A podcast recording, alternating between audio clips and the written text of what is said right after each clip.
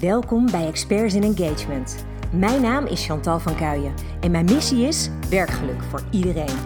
In deze podcast neem ik je mee in onze opdrachten in employer branding en employee engagement. Ik deel onze casussen, ervaringen, uitdagingen en ik hoop dat je daar je voordeel mee doet en dat jij jouw organisatie transformeert in een sterk werkgeversmerk. Zo, nou, zo start het nieuwe jaar en zo zit je alweer in de laatste dagen van januari. Ongelooflijk hoe zo'n maand eigenlijk alweer voorbij vliegt. Dat belooft weer wat voor de rest van het jaar. En nou ja, deze maand was ook wel druk, ook werktechnisch. Um, gewoon weer veel gave nieuwe dingen aan het opzetten. Wat een ongelofelijke uitdaging is met alle uh, opdrachten die ook gewoon razendsnel binnenkomen de hele tijd. Het is echt bizar wat er gebeurt. En mooi natuurlijk om te zien aan de ene kant. En aan de andere kant uh, soms een tikje benauwend. Omdat je dan ja, je tijd zo ongelooflijk goed moet verdelen. Om te zorgen dat alles de nou ja, evenredige aandacht krijgt die je het wil geven. En daar zit nog wel eens een, uh, een, een, flinke uitdaging voor mij. Maar nou ja, weet je, um, we komen deze tijd ook wel weer goed door. En het enige waar ik heel erg naar uitkijk, en ik weet niet hoe het met jou zit, maar oh, wat verlang ik naar de lente en naar de zon op mijn gezicht kunnen voelen. Gewoon de warmte en vooral het licht. Het zijn zulke donkere dagen en dat, ja, dat, dat mis ik wel het meest, denk ik. Al zou het nu, weet ik veel, 10 graden vriezen, maar het zonnetje zou schijnen, echt, doe maar. Dat zou zo onwijs fijn zijn. Dus um, nou ja, in deze donkere dagen nou ja, breng ik mijn dagen veel door met lezen. Uh, ik lees heel verschillende. Ik had, ik weer een hele stapel nieuwe boeken binnen. Echt fantastische, mooie boeken. Uh, ja, heel verschillend ook over, um, over manifesteren, uh, over gezondheid, over positief denken natuurlijk. Favoriete onderwerp. Ja, allemaal dingen waar ik dan ook weer inspiratie uit haal. En ik luister weer gewoon veel podcasts. Ik probeer wel elke dag nog steeds keurig mijn 10.000 stappen te zetten. Dus ik wandel me helemaal suf. Maar nou ja, weet je, alles om wel gewoon ook goed gezond weer dit jaar te beginnen. En dat uh, werkt goed.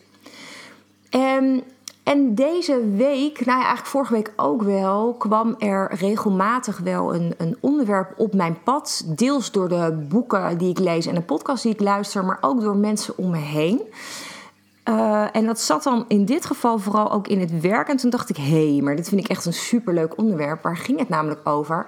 Um, er is natuurlijk een hele discussie gaande ook tussen uh, mannen en vrouwen in, in hoge posities uh, op de werkvloer. En nou ja, even los van wat ik vind van een quotum. Oh my god, ik geloof zo niet in een quotum. Maar goed, het gaat mij om zet kwaliteit op de juiste plek. En ja, dames, als wij op die plek willen komen, dan moeten we daar wat voor doen. En ja, misschien moeten we daar iets meer voor doen dan een gemiddelde man. Um, nou ja, laat ik het zo zeggen, de gemiddelde blanke uh, middelbare man. Echt, het is bizar. Maar waar ik wel echt in geloof, is dat wij als uh, vrouwen, en daar zal ik dus zo meteen ook even op terugkomen, ook wel echt iets extra's hebben toe te voegen aan die posities uh, binnen organisaties.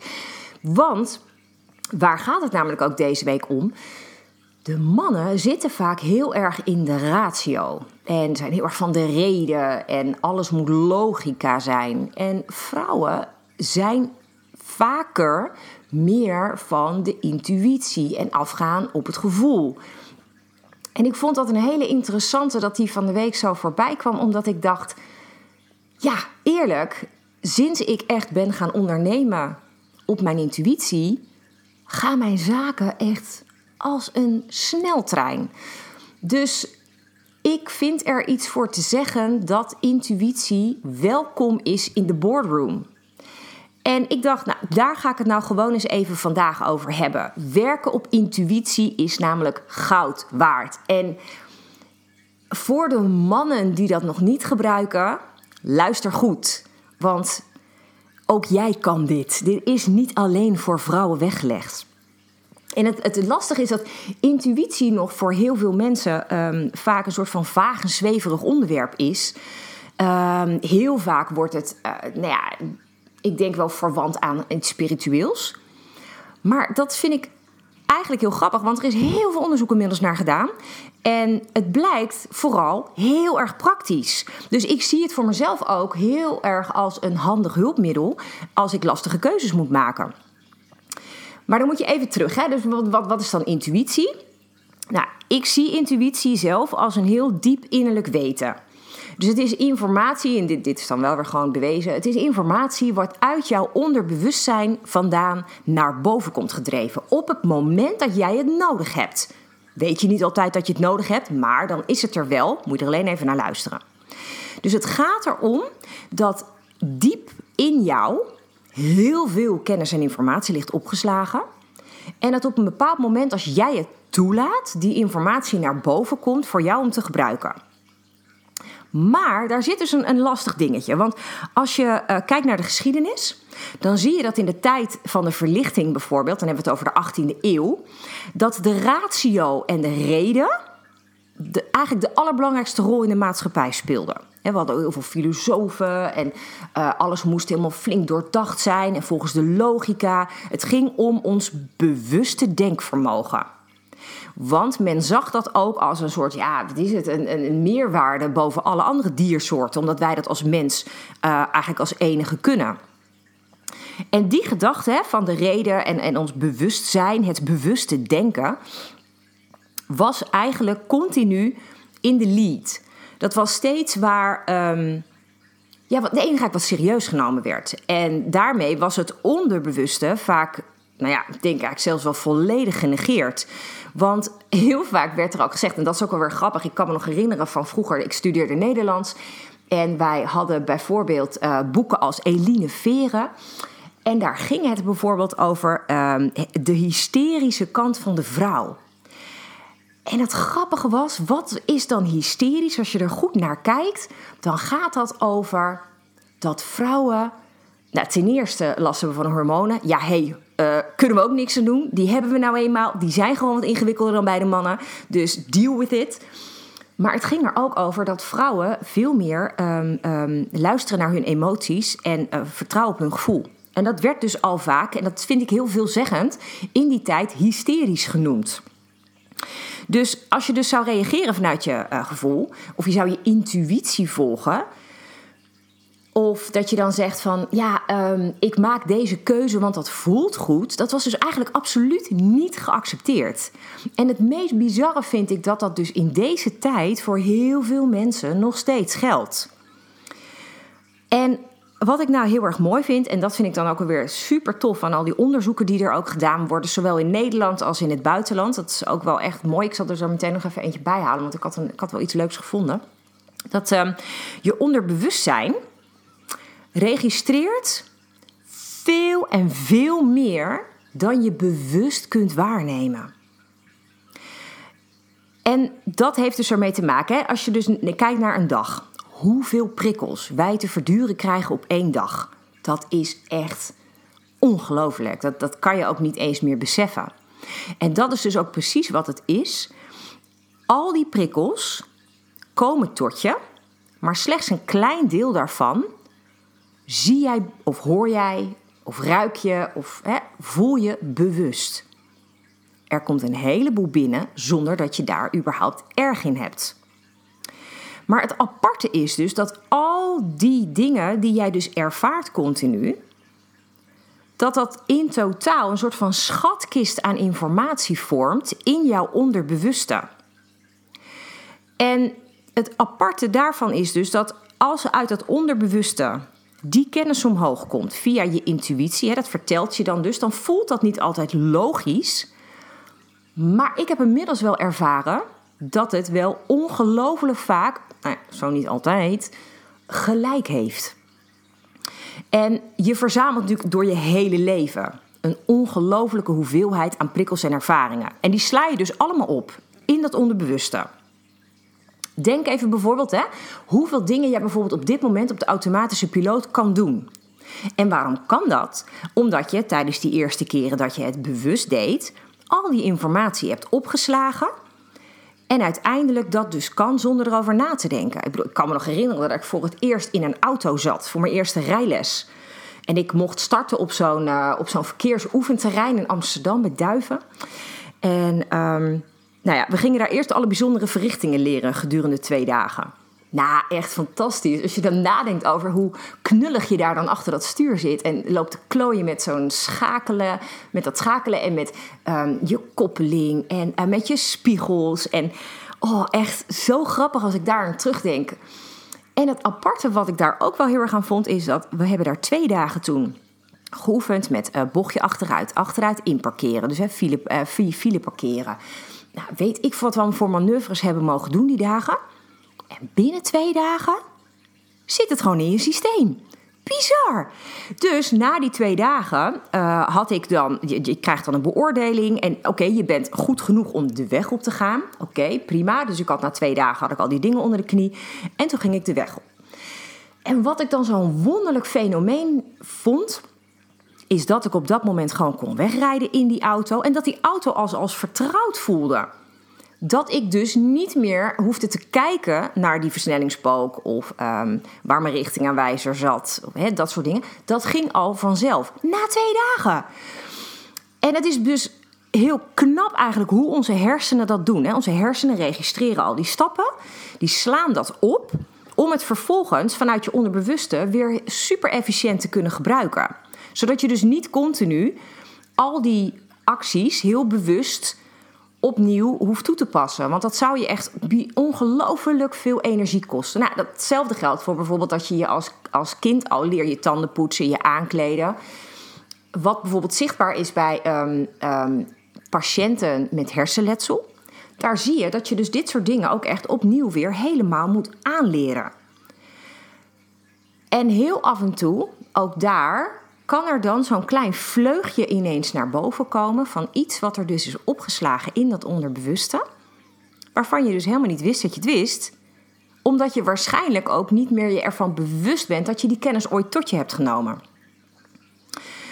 En we hebben dit dus allemaal. Iedereen heeft intuïtie. Alleen de vraag is altijd hier: in hoeverre luister jij daarnaar? En in alle eerlijkheid, ik heb er ook nog eens een handje van gehad om mijn intuïtie totaal te negeren en dan gewoon rationeel een keuze te maken. Vooral in mijn studententijd heb ik dat echt nog vaak gedaan. En nou, dat waren ook allemaal dingen. Dat ging over werk, dat ging over, uh, over mijn studie, uh, dat ging over financiën. Um, heel erg vanuit een soort logica de wereld uh, um, nou ja, beredeneren. Kijken hoe, hoe ga ik. Ik was heel erg filosofisch ook bezig in die tijd. Oh man, ik vond mezelf zo, zo wijs. Alleen ja, het is heel gek, want als ik daar achteraf op terugkijk, heb ik toen ook echt keuzes gemaakt die gewoon niet de beste waren. Ik heb mijn hart niet gevolgd. En datzelfde geldt ook in, in mijn zakelijke leven voor een deel. Um, mijn ratio zei dan bijvoorbeeld wel: van ja, dit moet je gewoon doen. Als een ander dat ook zo heeft gedaan, ja, dan zal het wel werken. Nou, precies zo bijvoorbeeld bij het opzetten van mijn bedrijf. En ik heb daar eigenlijk een beetje de standaard gevolgd. Hoe zien mensen dat? Ja, BV, personeel aannemen, je regelt dit en dit en dit. Maar oh my god, wat bleek ik daar fout te zitten. Als je mijn podcastafleveringen terugluistert van het afgelopen jaar. Um, nou, dan uh, zul je merken dat ik uh, er heel erg tegenaan gelopen ben. Dat ik dingen gewoon daarin niet handig heb gedaan. Dat ik me veel te veel heb laten leiden door de standaard. Um, en dat heeft heel veel tijd en energie gekost. Uh, omdat ik eigenlijk, nou ja, jeetje mina, hoeveel signalen heb ik gehad halverwege dat ik het anders moest doen? En hoe vaak heb ik daar niet helemaal goed naar geluisterd? Uh, omdat mijn ego me in de weg zat of weet ik voor wat het was. Maar er is dat moment geweest, en dat was, nou nu weet ik dat gewoon prima, dat was juli 2021, dat ik ervoor koos om echt alleen nog maar te werken volgens mijn intuïtie. En het blijft een wonderlijk gegeven hoe alles daarvan vandaan ineens veel soepeler ging. En vooral hoe druk het nu ook is, ik word er wel veel gelukkiger van. Want ja, weet je, ook in, in, in drukte kun je nog steeds heel veel energie hebben. Omdat je dingen doet die voor je gevoel ergens aan bijdragen. En daar zit dan ook wel weer een heel belangrijk ding in. En wat ik heel wonderlijk vind, is dat op het moment dat ik mijn gevoel weer ben gaan volgen, ik ben heel erg vanuit mijn intuïtie um, gaan leven, weer gaan werken. Sindsdien trek ik ook heel erg weer de juiste mensen aan. Ik trek weer nieuwe kansen aan. Ik trek nieuwe opdrachten aan. Het geeft me inspiratie, een ongelofelijke boost. En daardoor ben ik ook weer veel creatiever in mijn werk. En ja, dat geeft dus weer die bergen energie. En voor mij zijn dat allemaal redenen om het vooral op deze manier te blijven doen. Want ja, heel eerlijk, al deze verbeteringen die ik de laatste maanden heb kunnen doorvoeren, die zijn echt goud waard. En het werk voelt daardoor, ook al is het heel druk, veel meer moeiteloos. En dat is wat ik echt iedereen gun. Dat is toch fantastisch als je dat op die manier kan, kan meemaken. Maar er is natuurlijk wel een catch, want dit is niet zomaar voor je weggelegd als je niet de tijd neemt om naar je intuïtie te luisteren. En daar zit ook het, het, lastige aan dit hele verhaal. Want we hebben natuurlijk allemaal onwijs de neiging om heel erg door te draven de hele dag. En ja, als je dat doet, hè, dus je gaat als een soort van kip zonder kopje dag door. Je, moet, dus je hebt een soort van takenlijst en dat moet je dan afronden. Dan heb je niet voor jezelf de tijd en de rust om even naar je gevoel te luisteren. Want daarvoor moet je namelijk echt even helemaal stilstaan. Dat heb ik wel ontdekt. En ik heb ook echt heel erg ontdekt dat ik daar dus ook de tijd voor neem. Vaak, hoe druk mijn dag ook is, pak ik één of twee momenten, ja, een soort van spontaan tussendoor om heel even vijf minuten niks te doen. Even los van mijn laptop, even los van uh, telefoon zelfs. Alles wat er uh, uh, loopt, laat ik even los. En dan um, zorg ik dat ik gewoon heel even een momentje stil ben. En heel even een momentje gewoon, um, ja, niks doe. En ontspanning is hierbij ook echt wel de sleutel tot succes. Want alleen op dat moment hoor je je intuïtie. Of ja, je kan in sommige gevallen ook zeggen, zie je je intuïtie. Dus mijn tip zou zijn voor jou, als jij een hele belangrijke keuze bijvoorbeeld hebt te maken, ga dan bijvoorbeeld even een stukje wandelen. 10, 15 minuten. Uh, of slaap er een nachtje over. Ja, dat zeggen ze natuurlijk niet voor niks. Dat is een hele bekende uitdrukking. Als je, als je gewoon een nachtje erover slaapt, dan komen er vaak ook wel weer heldere ingevingen die een antwoord zijn op jouw vraag. Maar mij kan het dus ook helpen als ik gewoon 5 à 10 minuten even helemaal gewoon alleen maar zit. Even compleet in stilte, niks verder hoef. En het opvallende is dan ook nog vaak um, dat ik, ik stel mezelf dan bijvoorbeeld een vraag. En ik nou, denk daar verder niet zoveel bij. Ik, ik, ik haal een paar keer diep adem. Ik zorg dat ik een beetje chill ben. Um, dat is natuurlijk ook wel, hè, want je merkt vaak als je heel erg druk bent, zit je ademhaling wat hoger. Dus op het moment dat je even die rust pakt en je haalt een paar keer diep adem, um, het liefst door je buik, zeg maar, dan heb je het idee van, oh ja, ik voel me ook echt wel wat chiller. En dan zit je gewoon rustig.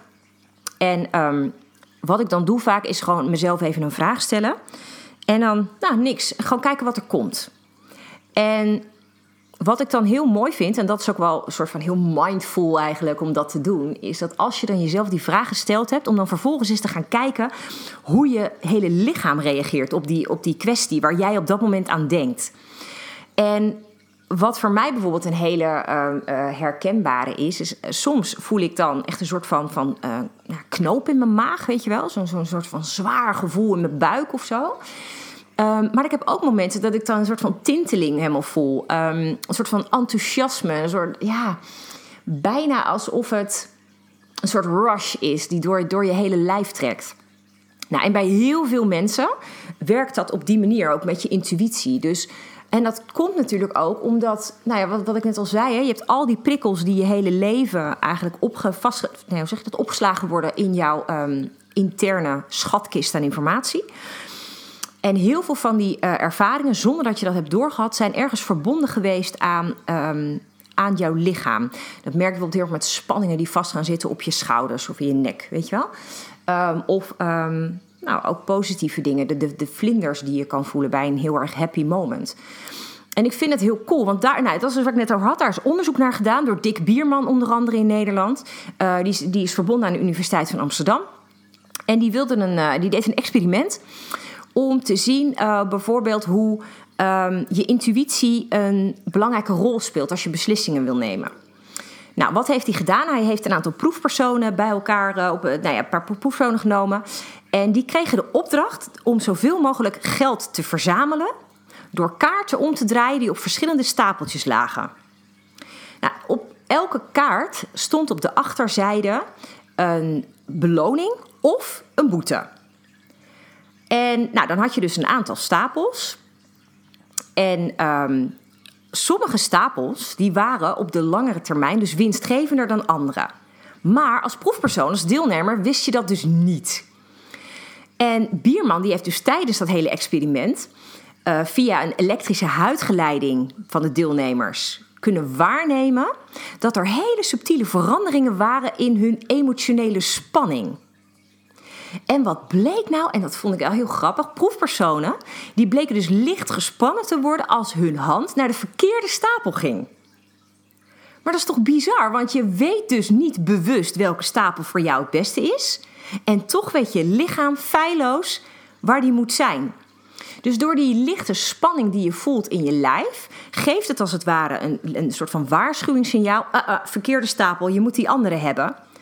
En volledig onbewust namen de mensen dus daardoor de beslissingen die gunstig uitpakten.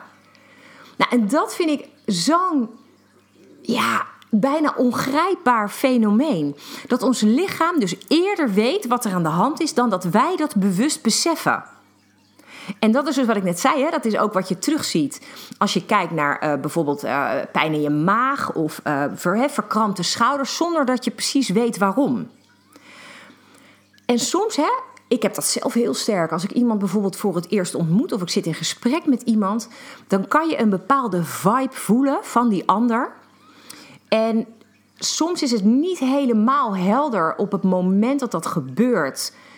Wat het dan is, ik kan er vaak geen vinger op leggen, maar ik voel dat er iets niet klopt, bijvoorbeeld.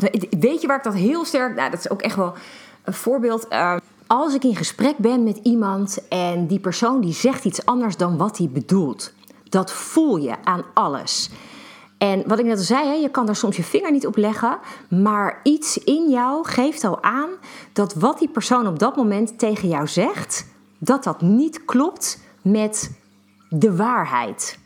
En hoe vaker je dus heel bewust daarop let en dat voor jezelf ervaart, hoe meer je van dat soort dingen ook opslaat in dat onderbewuste. Alleen als je als persoon niet open staat voor dat soort nieuwe ervaringen, dan zul je dus ook je intuïtie niet helemaal goed kunnen ontwikkelen. En ik vind dat wel een heel belangrijk ding, want je gevoel speelt dus een cruciale rol bij intuïtieve beslissingen. Dus om dat goed te kunnen doen, moet je ook wel je eigen emoties kunnen herkennen en kunnen begrijpen. En dat is waar ik vandaag mee begon. Hè. Dat is volgens mij waarom dat voor vrouwen dan vaak makkelijker is dan voor mannen. Omdat die vrouwen ergens van nature al wat intuïtiever zijn, wat dichter bij dat uh, gevoel zitten dan dat uh, mannen dat kunnen. Dus als je bijvoorbeeld kijkt naar menselijke relaties, dan zijn vrouwen vaak um, nog sneller in staat om iets te kunnen duiden dan dat mannen dat zijn. Alhoewel ik zelf een echtgenoot heb die ongelooflijk snel mensen kan doorgronden. En dat het ook eigenlijk altijd wel blijkt te kloppen. Dus ik wil niet zeggen dat het altijd geldt hoor. Ik geloof dat er zeker mannen zijn die goed in verbinding staan met hun intuïtie en die dit ook feilloos kunnen. Maar even grof gezegd, zijn de vrouwen daar vaak wat verder in. En vrouwen zijn bijvoorbeeld ook heel erg goed in staat om via iemands lichaamshouding of een gezichtsuitdrukking te beoordelen uh, wat er in iemand omgaat. Die kunnen dat heel, heel vaak op die manier aanvoelen. En dat zijn heel vaak hele kleine subtiele hints die mannen dus vaak weer missen. Nou, daar is er weer een, uh, is een uh, Amerikaanse psychologe, Judith Hall. En die heeft dus bijvoorbeeld gezien tijdens een onderzoek dat vrouwen um, bij een filmfragment van slechts twee seconden al kunnen bepalen of de vrouw in het filmpje um, bijvoorbeeld over haar toeren was vanwege een scheiding of omdat ze een ander kritiek gaf.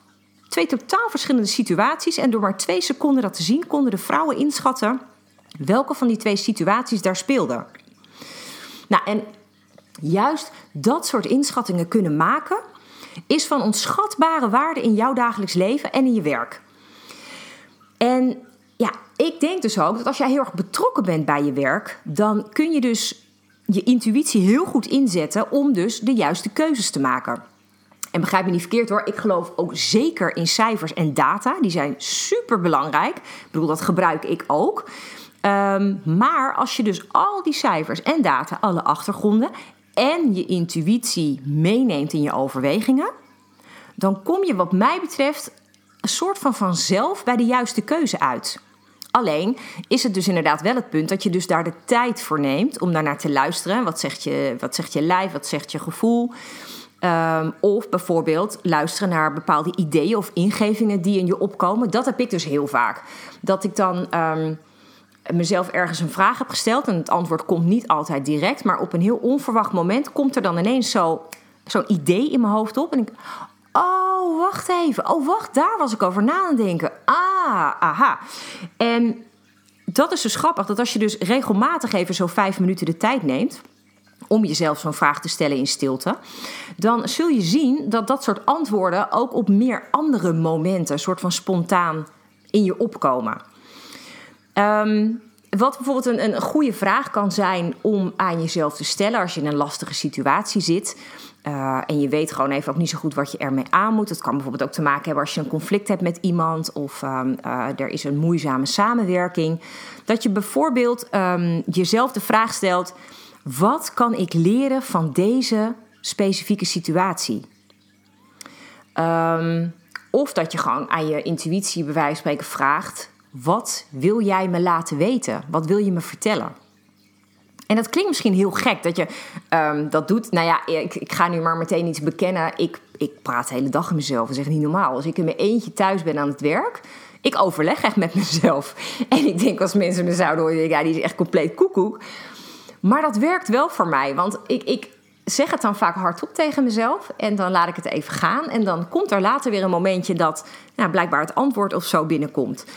En ik laat me tegenwoordig dus ook gewoon vooral verrassen door wat er dus in me opkomt. En dat kunnen beelden zijn, het kunnen woorden zijn of een bepaalde sensatie ergens in mijn lijf. Um, en ik moet wel zeggen, en dat is misschien ook wel belangrijk om, om, om mee te geven, dat dat de eerste keren misschien nog niet totaal helder is. Hè. Dan kan je een bepaald gevoel ergens bij krijgen of um, ja, een bepaalde emotie voelen of zo. Um, maar dat je dan nog niet helemaal helder ziet wat dat dan betekent op dat moment. Maar ik kan je wel vertellen, oefening baart kunst. Echt, absoluut. Het wordt namelijk steeds duidelijker, ook naarmate je het vaker doet. En het grappige is ook nog, dat als het niet helder is, dat je ook letterlijk je intuïtie kan vragen ja, dat is leuk deze informatie, maar uh, het is me niet helemaal helder. Kan het misschien specifieker of concreter of zo? Of kun je me, um, weet ik veel, een bepaalde tekst of iets laten zien? En dan kan het letterlijk terugkomen in van alles. Dan kan het zijn dat je op straat loopt en ineens ergens een tekst leest die voor jou dan op dat moment het juiste antwoord is, die voor jou op dat moment wat betekent. Dus ik raad je aan om dat gewoon te proberen, om dat te oefenen, zoveel mogelijk. Want het geeft je echt de aller, allermooiste adviezen. En beter dan welk advies je ook maar kan ontvangen van buitenaf, van iemand om je heen. Dit is goud waard. En ik hoop dus dat ik je in ieder geval in deze aflevering um, ervan heb kunnen overtuigen dat intuïtie dus niet iets zweverigs is, niet per se iets spiritueels is, maar dat het een ongelooflijk handig hulpmiddel kan zijn om je verder te helpen in dit leven. Dus super tof dat je er weer bij was, deze aflevering. Daar ben ik echt onwijs dankbaar voor. Um, ik zou je misschien nog een keertje willen vragen dat als je de uh, aflevering hebt beluisterd, of je via Spotify even een aantal sterren wil achterlaten. Echt meer is het niet. Het is gewoon puur even op een aantal sterren klikken wat jij uh, de podcast waard vindt. Daar help je mij weer heel erg mee om ook zichtbaar te zijn bij andere mensen die misschien heel veel uh, voordeel halen uit deze informatie. En dan rest mij om je verder weer een fantastisch weekend of fantastische week te wensen, afhankelijk van, van wanneer je dit luistert. En uh, dan hoop ik je weer te mogen spreken bij een volgende podcastaflevering. Tot snel. Ik hoop dat deze aflevering je inspiratie oplevert. Misschien is dit wel jouw nieuwe begin. De start van een sterk employer brand. Of optimaal werkgeluk voor jou en je medewerkers. Maar waar loop jij tegenaan? Welke vragen heb jij? Stel ze vooral via onze website employerbrander.nl slash podcast. Dan kom ik er graag op terug in een volgende aflevering. Tot snel!